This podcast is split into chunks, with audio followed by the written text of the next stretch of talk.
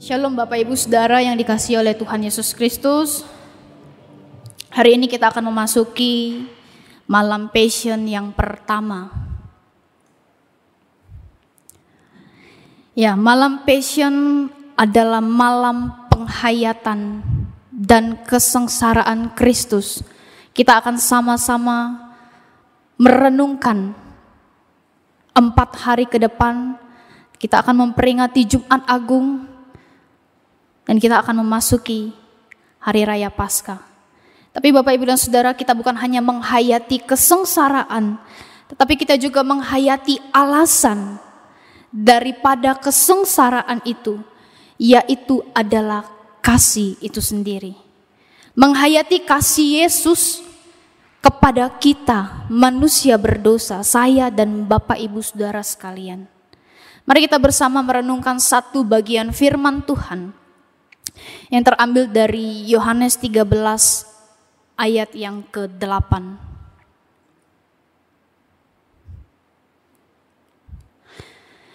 Yohanes 13 ayat yang ke-8. Saya akan bacakan untuk kita semua. Kata Petrus kepadanya, Engkau tidak akan membasuh kakiku sampai selama-lamanya.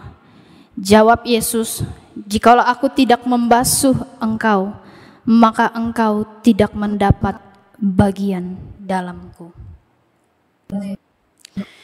Bapak Ibu dan Saudara, kalau kita melihat konteks dari Yohanes 13, ya pasal ini berbicara mengenai tentang pembasuhan kaki daripada murid-murid Yesus melakukan pembasuhan kaki. Kita mengetahui bersama Bapak Ibu dan Saudara bahwa ini terjadi ketika makan malam terakhir sebelum Yesus akan ditangkap. Pada waktu itu Yesus menyatakan kasihnya kepada murid-muridnya dengan cara membasuh kaki. Nah saya coba ajak Bapak Ibu dan Saudara kita melihat uh, satu bagian firman Tuhan ini kita sama-sama memperhatikan pada ayat yang pertama pada ayat yang pertama dikatakan, sementara itu sebelum hari raya Paskah mulai, Yesus telah tahu bahwa saatnya sudah tiba untuk beralih dari dunia ini kepada Bapa. Bapak dan saudara perhatikan, Yesus telah tahu bahwa saatnya itu sudah tiba. Ini merupakan pernyataan akan kesadaran. Dia tahu bahwa saatnya sudah tiba. Kesadaran Yesus yang sangat mendalam bahwa waktu sudah ditentukan oleh Bapa. Dan ini harus dia genapi. Ini menyadarkan dan menegaskan akan kesadaran Yesus yang mengetahui dengan tepat apa yang akan terjadi, apa yang akan dia alami, apa yang akan menimpa di dalam kehidupannya. Yesus tahu bahwa saatnya sudah tiba. Bapak dan saudara, bagaimana cara peralihan itu? Kita mengetahui bersama, Yesus ditangkap, dia dianiaya, dia disiksa, dia diadili, dia disalibkan, dan dia sudah tahu ada sesuatu yang membuat dia menderita di depan, tapi sekalipun dia tahu, dia tidak menghindar. Sekalipun dia tahu, dia tidak bersembunyi. Sekalipun dia tahu, dia tidak mencari tempat yang sunyi tapi dia menampakkan dirinya kepada murid-muridnya. Yesus tahu Bapak Ibu dan Saudara, untuk itulah dia datang ke dunia. Untuk menggenapi apa yang sudah Tuhan perintahkan kepadanya. Yesus tahu bahwa dia harus mati di atas kayu salib untuk menebus dosa kita semua. Dan kalau kita perhatikan pada ayat yang 1b, dikatakan sama seperti ia senantiasa mengasihi murid-muridnya. Demikianlah sekarang ia mengasihi mereka sampai pada kesudahan. Bapak Ibu dan Saudara, ini berbicara tentang kasih Allah yang kekal. Dari awal dia mengasihi murid-muridnya. Ya, dalam perjalanan dia tahu semua. Bahkan dia tahu murid-muridnya akan meninggalkan dia, mengkhianati dia, tapi dia tetap mengasihi, dikatakan sampai pada kesudahannya. Artinya Bapak Ibu Saudara, kasih Yesus tidak berubah walaupun dia tahu murid-muridnya akan meninggalkan dia, mengkhianati dia. Yesus tahu apa yang akan terjadi, tapi Bapak Ibu Saudara sekali lagi kita bisa lihat dan saksikan bahwa kasihnya itu tidak berubah. Kasihnya tidak dipengaruhi oleh situasi. Kasihnya tidak dipengaruhi oleh keadaan. Kasih Yesus mendahulukan orang lain. Dia tidak mementingkan kepentingannya sendiri. Padahal dia tahu apa yang akan terjadi di dalam kehidupannya. Kasih Yesus adalah kasih yang kekal. Yang sering kali kita katakan kasih agape. Bapak Ibu dan Saudara, begitu juga Tuhan mengasihi kepada setiap kita. Mungkin sering kali kita abai akan kasih Tuhan. Saat kita mengalami pergumulan, saat kita mengalami penderitaan, saat kita mengalami kegagalan. Terkadang ini membuat kita akhirnya meninggalkan Tuhan. Kita mengabaikan, kita melupakan. Dan singkat kata, akhirnya kita tidak lagi mengasihi Tuhan. Tapi Bapak Ibu dan Saudara, walaupun kita seperti itu kepada Tuhan, Tuhan tetap menunjukkan kasihnya kepada kita. Walaupun kita sering kali mengabaikan dia, kita sering kali melupakan dia. Dia Allah tetap mengasihi kita. Dia Allah tetap peduli kepada kita semua. Bapak Ibu Saudara, mari kita lihat ayat selanjutnya. Pada ayat yang kedua dikatakan mereka sedang makan bersama. Ya, saat mereka sedang makan bersama, ada iblis telah membisikkan rencana yang ada di dalam hati Yudas Iskariot.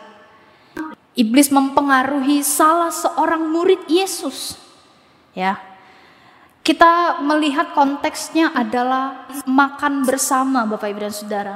Dan ini adalah makan malam terakhir, ya. Harusnya harusnya kalau namanya makan malam terakhir ya paling enggak kita ngobrol sharing-sharing bersama ini kan makan malam terakhir setelah itu kita tidak akan berjumpa namun dalam suasana kebersamaan makan malam ini justru di sini iblis memulai merancang sesuatu yang jahat yaitu dia menyerahkan Yesus kepada para pemimpin untuk diserahkan dan dibunuh. Bapak, ibu, dan saudara, bagi Yesus, kematiannya merupakan peristiwa yang sangat luar biasa, karena melalui kematiannya Yesus memberikan anugerah dan keselamatan kepada kita manusia yang berdosa. Tapi berbeda dengan iblis, ya.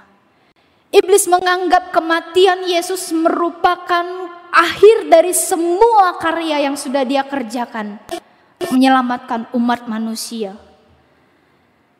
Bapak Ibu dan Saudara kita harus tetap ketahui bersama bahwa Yesus adalah 100% Allah dan dia 100% manusia dalam masa-masa penangkapan, ya, dia tahu apa yang akan terjadi. Pasti dia takut, gelisah, gentar, kepikiran dan lain sebagainya. Tapi itu tidak menjadi fokus utamanya. Dikatakan pada ayat yang ketiga, Yesus mengetahui bahwa Bapaknya telah menyerahkan segala sesuatu kepadanya dan bahwa ia datang dari Allah dan kembali kepada Allah. Sekali lagi Bapak Ibu dan Saudara, Yesus mengetahui apa yang akan terjadi di dalam kehidupannya. Namun fokusnya tidak pada penderitaan yang akan dia alami. Pada ayat kita akan melihat pada ayat yang keempat. Situ dikatakan lalu bangunlah Yesus dan menanggalkan jubahnya. Ia mengambil sehelai kain lenan dan mengikatnya pada pinggangnya. Kemudian ia menuangkan air ke dalam sebuah basi dan mulai membasuh kaki murid-muridnya, lalu menyekanya dengan kain yang terikat pada pinggangnya itu. Bapak, Ibu, dan Saudara, dalam detik-detik terakhir menjelang kematian Yesus sebagai manusia, Yesus merendahkan dirinya dengan cara membasuh kaki murid-muridnya. Kalau kita melihat secara dunia, ya, kalau kita melihat secara dunia, di mana-mana pembasuhan kaki terjadi, ya, dilakukan kepada orang yang tertinggi. Ya, orang yang terendah membasuh orang yang tertinggi. Ya, contohnya anak kepada orang tua, ya. Istri kepada suami. Tapi Bapak Ibu dan Saudara yang kita temukan di sini adalah Yesus yang adalah guru justru membasuh kaki murid-muridnya. Kalau kita melihat konteks Yohanes 13 ini, ya, Yesus mengatakan dirinya adalah guru. Yesus menyebut dirinya adalah guru itu sebanyak tiga kali. Ya, gelar Yesus dia sebut sebagai guru itu menunjukkan kemampuan dia untuk mengajar, kemampuan dia untuk menyampaikan kebenaran firman Tuhan. Gelar Yesus sebagai Tuhan itu menunjukkan bahwa Yesus penuh kuasa atas kehidupan umat manusia. Perhatikan Bapak Ibu dan Saudara, Yesus memberi dua gelar kepada dirinya. Tetapi itu tidak menghalangi Yesus untuk tetap merendahkan dirinya kepada murid-muridnya. Kita mengetahui bersama waktunya sudah dekat. Waktunya sudah sangat sempit. Waktunya sudah tiba. Berapa jam lagi dia harus diadili. Dia harus ditangkap. Tapi Yesus tidak memikirkan penderitaan itu. Dia tidak berpikir lagi kesusahan apa yang akan dia alami. Apa yang akan ia hadapi. Tetapi pada waktu yang sempit ini Bapak Ibu dan Saudara, Yesus masih sempat membasuh kaki murid-muridnya. Waktunya sudah sempit, tapi dia masih sempat membasuh kaki murid-muridnya. Saya mau tanya kepada Bapak Ibu Saudara sekalian. Jika kita tahu Beberapa jam ke depan kita akan mengalami penderitaan. Kita tahu mungkin besok usaha kita akan bangkrut. Kita tahu besok kita akan mengalami sakit penyakit. Kita tahu mungkin besok kita akan mengalami penderitaan. Apakah kita akan tenang-tenang saja? Jangan-jangan Bapak Ibu dan Saudara, untuk bertemu dengan orang saja kita sudah malas. Untuk berbicara saja kita sudah tidak mau. Mungkin kita sudah mulai mengurungkan diri di kamar, memikirkan besok apa yang akan terjadi, penderitaan apa yang akan terjadi. Kita mulai tidak bisa tidur dan lain sebagainya. Tapi Yesus tidak memikirkan penderitaan yang ia alami. Sekali lagi Bapak Ibu dan Saudara, Yesus tahu apa yang akan terjadi di dalam kehidupannya. Tapi Yesus tetap membungkukkan diri, dia tetap membasuh kaki murid-muridnya. Dan tidak hanya sampai di situ Bapak Ibu dan Saudara. Kalau kita melihat pada ayat yang ke-11 dikatakan sebab ia tahu siapa yang akan menyerahkan dia. Yesus juga tahu sebagai anak Allah bahwa sebentar lagi Yudas Iskariot akan menyerahkan dia. Tapi Alkitab tidak mencatat Bapak Ibu dan Saudara. Yesus tidak membasuh kaki Yudas. Alkitab tidak mencatat Yesus melewati kaki Yudas. Alkitab tidak mencatat bahwa Yesus melangkahi dia. Atau Alkitab juga tidak mencatat waktu Yesus mencuci kaki Yudas dibuatnya sakit. Ya, dibuatnya lah babak belur. Alkitab tidak mencatat Yesus mencuci kaki Yudas ala kadarnya. Tetapi Yesus membasuh kaki Yudas sama seperti Yesus membasuh kaki murid-muridnya. Bapak Ibu dan Saudara, Yesus bisa saja tidak mau mencuci kaki Yudas. Yesus punya hak kok dia nggak mau cuci, dia nggak mau basuh. Tapi dia tetap lakukan itu Bapak Ibu dan Saudara. Kenapa? Karena ia tahu dia harus menjaga kekudusannya. Dia tahu dia harus menjaga hatinya. Karena kalau hatinya tidak benar, dia tidak mungkin menjadi korban penebusan dosa. Karena korban yang patut penebusan dosa adalah korban yang tanpa noda, tanpa dosa, dan tanpa celah. Inilah bentuk kasih yang Yesus berikan dan teladani kepada kita semua. Kasih yang begitu ajaib. Bapak, Ibu, dan Saudara, hati Yesus harus tetap benar. Walaupun keadaan di sekitarnya tidak benar. Hati Yesus harus tetap benar. Walaupun keadaan sekitarnya tidak benar. Bagaimana dengan kita? Jika ada orang yang menyakiti kita, mengkhianati kita, orang ini sudah membuat usaha kita bangkrut, ya. Mungkin hidup kita sudah dirusaknya gara-gara dia, hidup kita sekarang ini jadi seperti ini. Tiba waktunya pembasuhan kaki. Apa yang Anda lakukan? Apakah kita tetap membasuh kaki orang yang menyakiti kita? Apakah kita akan terus membasuh, membersihkan, walaupun kita tahu gara-gara dia kita seperti ini, atau kita melewatinya, kita nggak mau basuh, atau kita membasuh dengan hati yang berontak, hati yang marah, hati yang kesal. Kalau itu yang kita pikirkan, Bapak, Ibu, dan Saudara, mari malam hari ini kita belajar dari Yesus.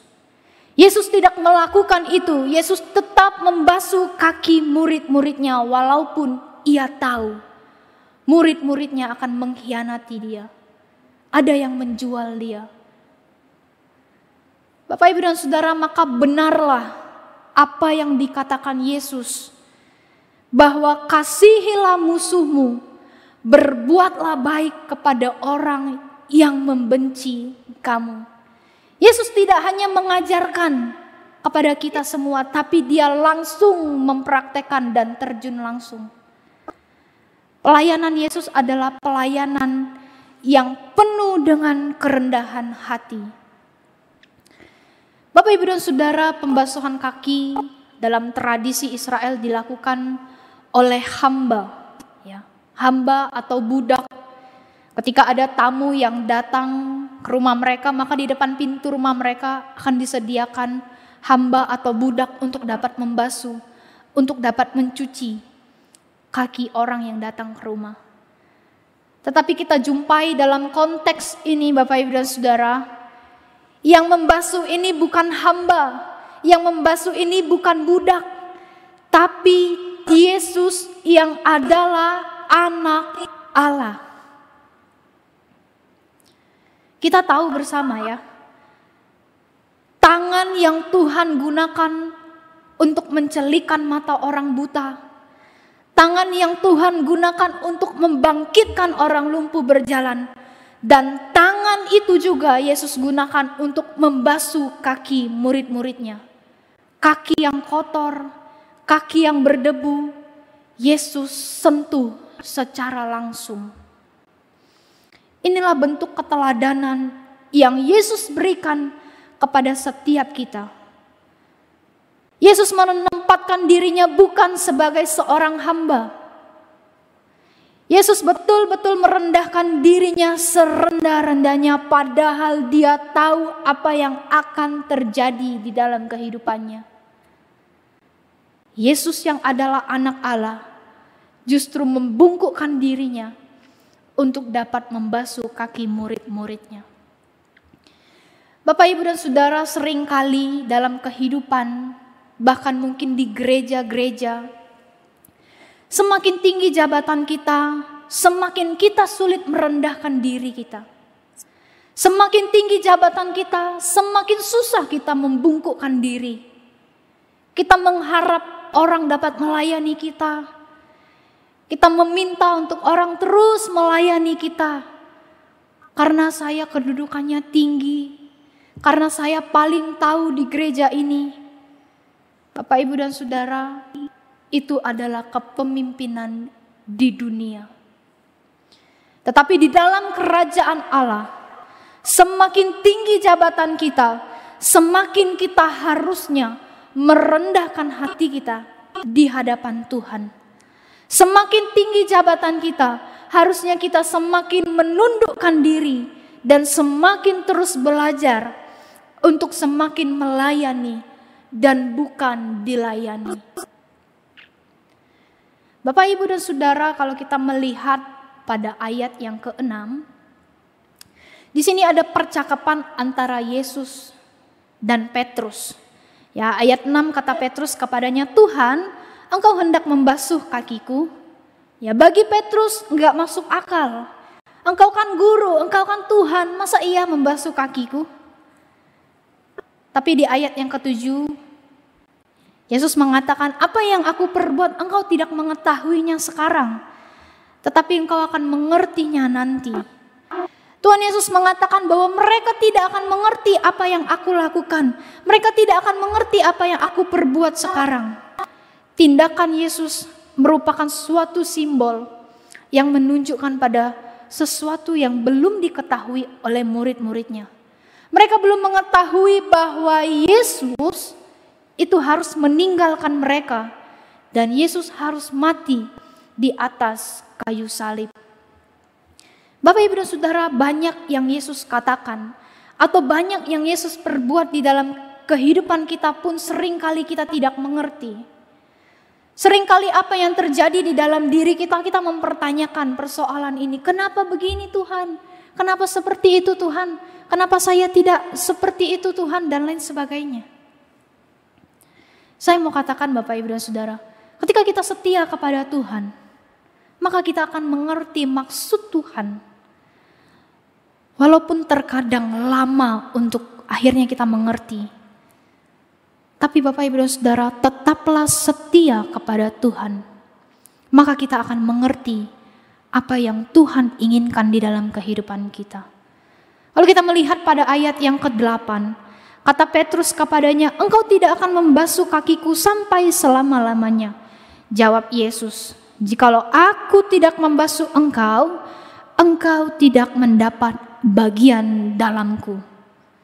Jikalau Yesus tidak membasuh kaki Petrus, Petrus tidak akan mendapat bagian di dalamku. Tuhan bukan hanya sekedar mempersoalkan basuh membasuh. Melainkan dia mau menyatakan kepada Petrus bahwa engkau harus dibasuh secara rohani. Agar hidupmu itu tidak sombong. Agar engkau dapat meneladani kehidupanku. Maka engkau harus kubasuh kakimu. Ketika Tuhan mengatakan, jikalau aku tidak membasuh engkau, engkau tidak mendapat bagian di dalamku. Tidak mendapat bagian dalamku artinya tidak menerima berkat, ya, tidak menerima hal-hal yang positif. Ketika Tuhan mengatakan kalau aku tidak memberi atau tidak kalau engkau tidak mendapat bagian dalamku. Ayat ke-9 Simon Petrus mengatakan, "Tuhan, jangan hanya kakiku saja, kepalaku." Kalau kita melihat percakapannya tadi, Petrus padahal tidak mau. Kenapa? Karena dia tidak belum mengerti. Tapi waktu Tuhan mencoba menjelaskan, dia mulai mengatakan, kalau begitu kepalaku juga, kalau begitu tanganku juga lah, supaya aku dapat berkat. Begitu juga dengan kita terkadang Bapak Ibu dan Saudara. Saat kita belum tahu apa maksud Tuhan, saat kita belum mengetahui apa yang Tuhan perbuat di dalam kehidupan kita, kita ogah-ogahan, kita malas-malasan, mungkin kita kompromi dengan Tuhan. Tapi waktu Tuhan sudah mengatakan, nanti akan seperti ini.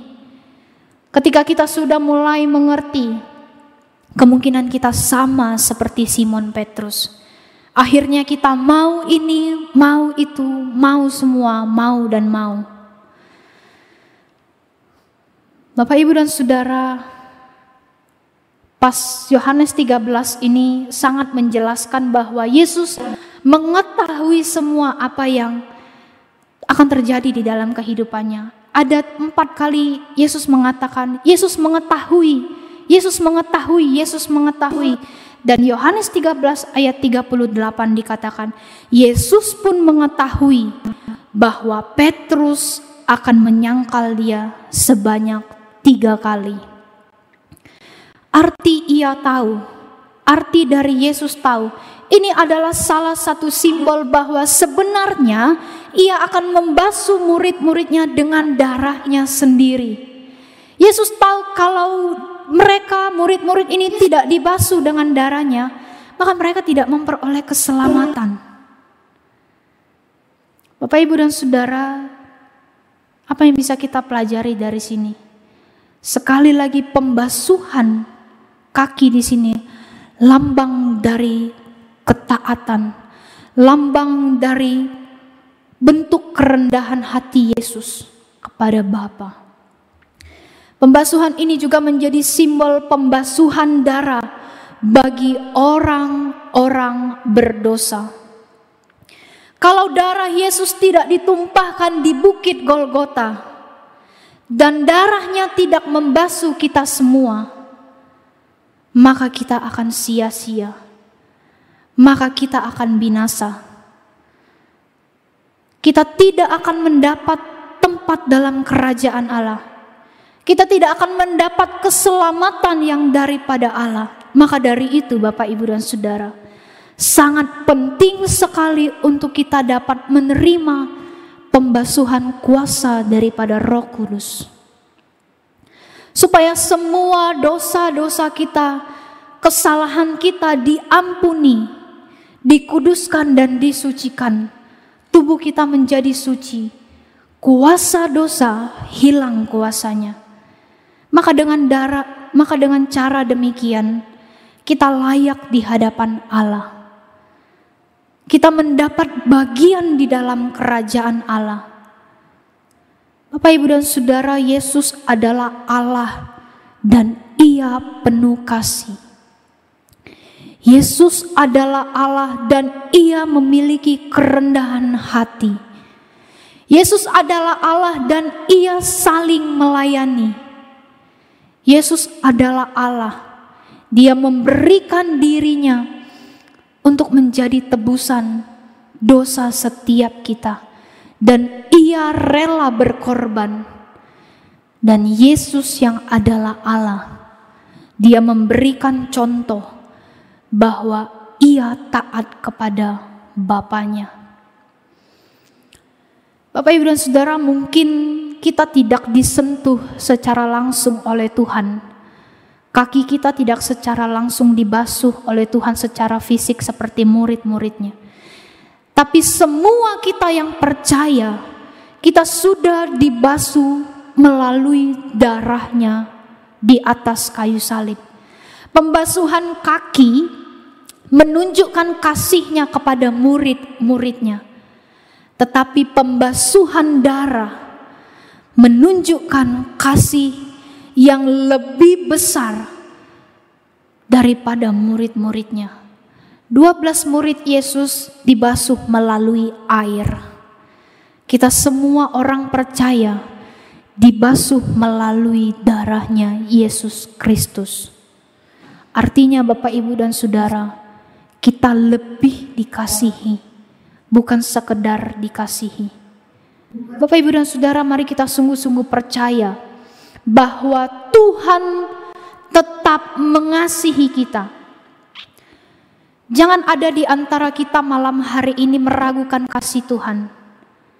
Masalah boleh ada, penderitaan boleh kita alami, tantangan boleh datang silih berganti, sakit penyakit boleh tidak sembuh, doa-doa kita boleh tidak dijawab.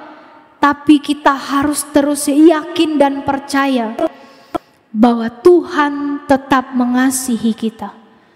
Tuhan tetap ada bersama dengan kita. Bapak, Ibu, dan Saudara, pada kesempatan ini, saya mengajak Bapak, Ibu, Saudara sekalian, mari kita merenungkan sejenak. Mari kita berdiam diri sejenak di hadapan Tuhan. Mari kita kembali mengoreksi diri kita.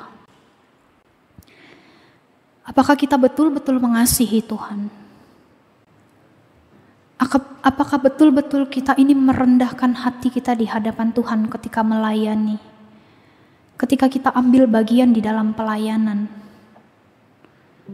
Atau masih ada hal-hal yang harus kita bereskan? Ada hal-hal yang harus kita lepaskan? Kesombongan kita kah? Keangkuhan kita kah? Yesus menjadi teladan kita. Ia adalah Tuhan, tapi Dia mau merendahkan dirinya. Dia mau membasuh kaki murid-muridnya. Biarlah kita juga pada malam hari ini dapat merendahkan diri kita di hadapan Tuhan. Kita dapat melayani satu dengan yang lain. Mari Bapak, Ibu, dan Saudara buka hatimu di hadapan Tuhan melalui malam passion ini. Yesus ingin membasuh hidupmu sehingga engkau layak, engkau kudus dan berkenan di hadapan Tuhan.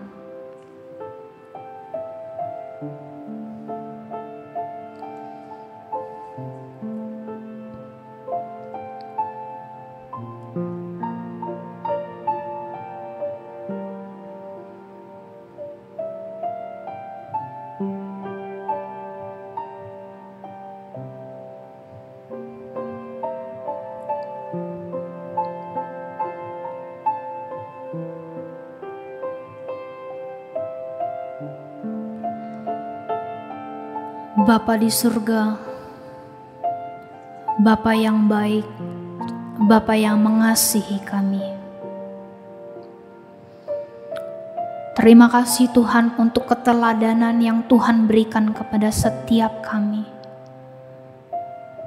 Engkau yang adalah Allah merendahkan diri di hadapan murid-muridmu. Engkau mau membasuh kaki murid-muridmu Tuhan,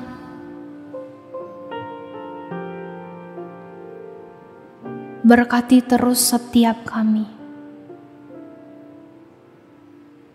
Kami mau terus mengasihi Engkau seperti Engkau mengasihi kami. Seringkali kami mengabaikan Engkau, sering kali kami meninggalkan Engkau, sering kali kami lupa akan Engkau Malam hari ini Tuhan kami datang ke hadapan-Mu. Ampuni setiap dosa dan pelanggaran kami Tuhan. Kami ingin terus Tuhan Engkau basuh melalui darah-Mu. Supaya kami layak dan berkenan di hadapan Tuhan. Berkati setiap kami. Mampukan setiap kami Tolong kami Tuhan, untuk kami boleh terus setia kepada Engkau yang begitu setia kepada kami. Terima kasih Tuhan Yesus yang baik, menyerahkan setiap jemaat Tuhan yang mendengar firman-Mu pada hari ini. Berkati mereka Tuhan, apa pun pergumulan mereka, apa pun yang menjadi persoalan hidup mereka, yakinkan bahwa Tuhan hadir, Tuhan mengasihi mereka Biarlah mereka boleh terus berharap, bersandar hanya kepada Tuhan saja. Terima kasih Tuhan Yesus yang baik. Terima kasih sekali lagi untuk pengorbananmu, melayakkan dan menyucikan setiap kami. Hanya di dalam nama Tuhan Yesus, kami sudah berdoa dan mengucap syukur kepadamu. Amin.